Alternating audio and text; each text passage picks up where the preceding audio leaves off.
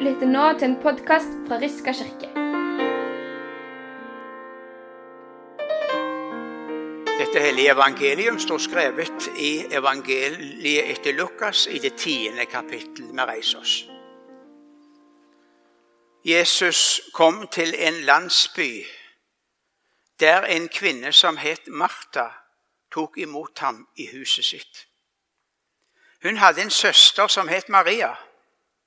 Og Maria satte seg ned ved Herrens føtter og lyttet til hans ord. Men Martha var travelt opptatt med alt som skulle stelles i stand. Hun kom bort til dem og sa, 'Herre, bryr du deg ikke om at min søster lar meg gjøre alt arbeidet alene?' 'Si til henne at hun skal hjelpe meg.' Men Herren svarte henne, 'Martha, Martha, du gjør deg strev og uro med mange ting.' Men ett er nødvendig.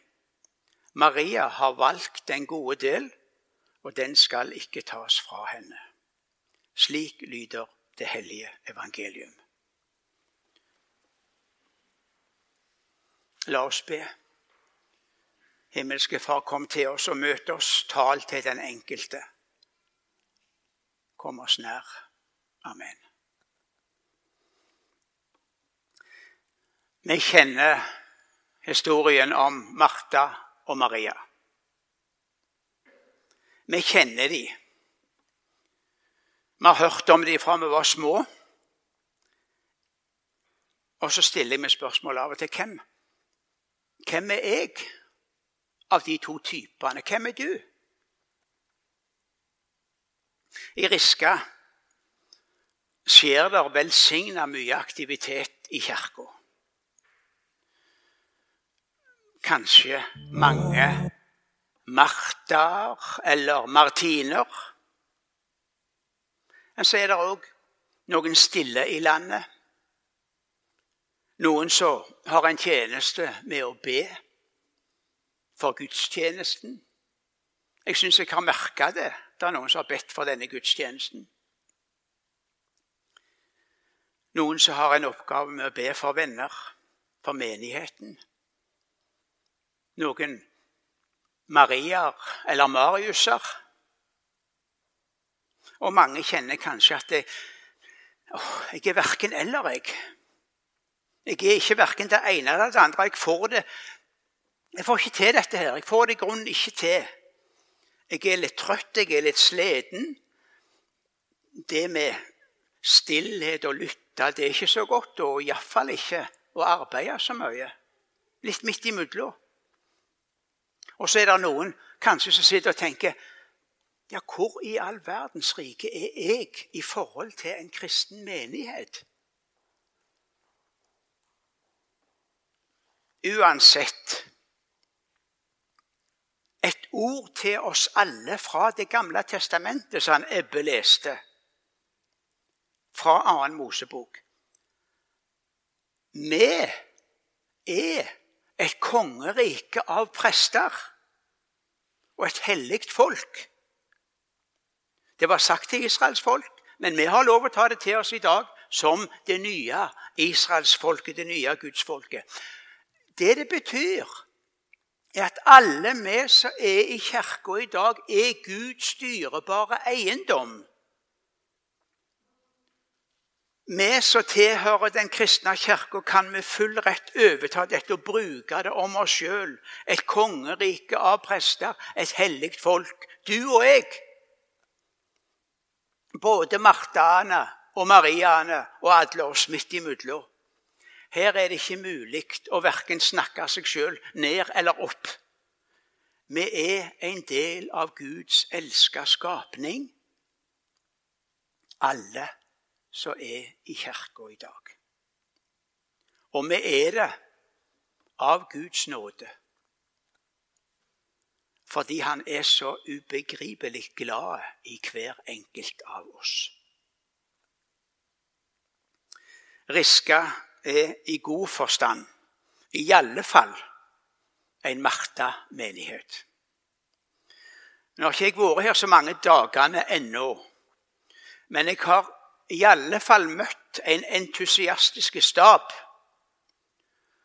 og ant at det skjer mye godt arbeid i Riska menighet. Blant barn og unge, og voksne og eldre, og kunne regnet opp mye. Og det er gledelig. Og det hadde aldri gått uten en horde av frivillige.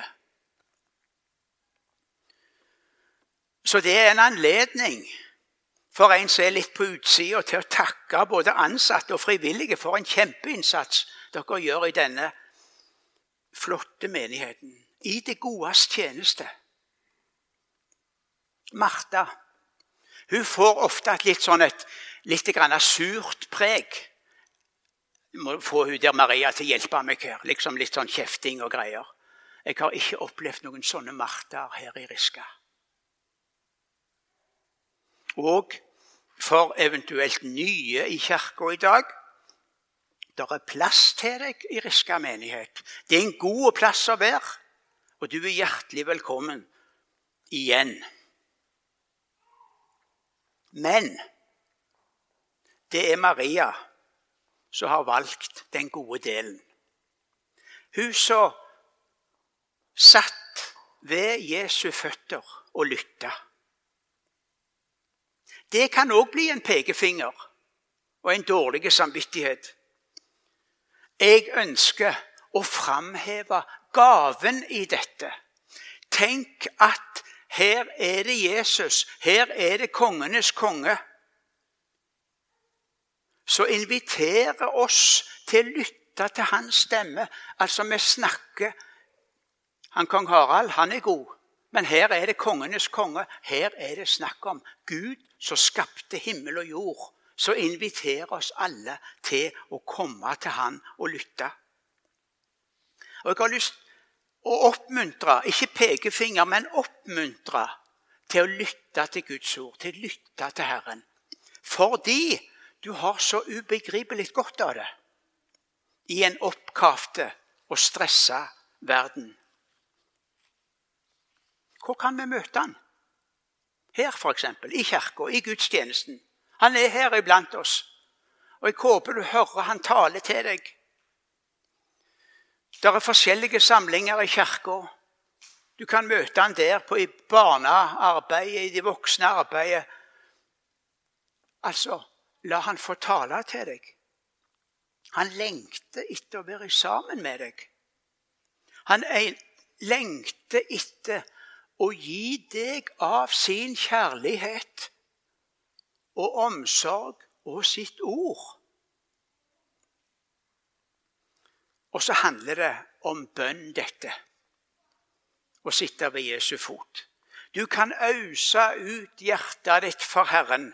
Du kan be for alt du kommer på, når du kommer på det.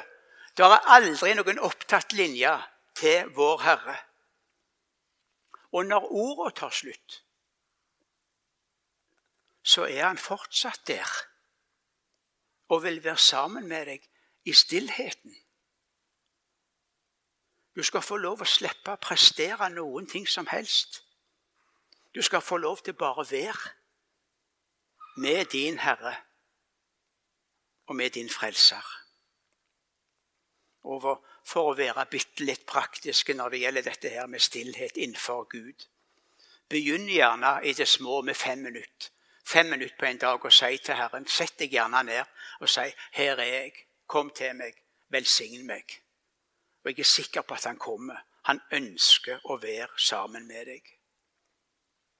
Søk innover til der Jesus kan tale til deg i hjertet ditt.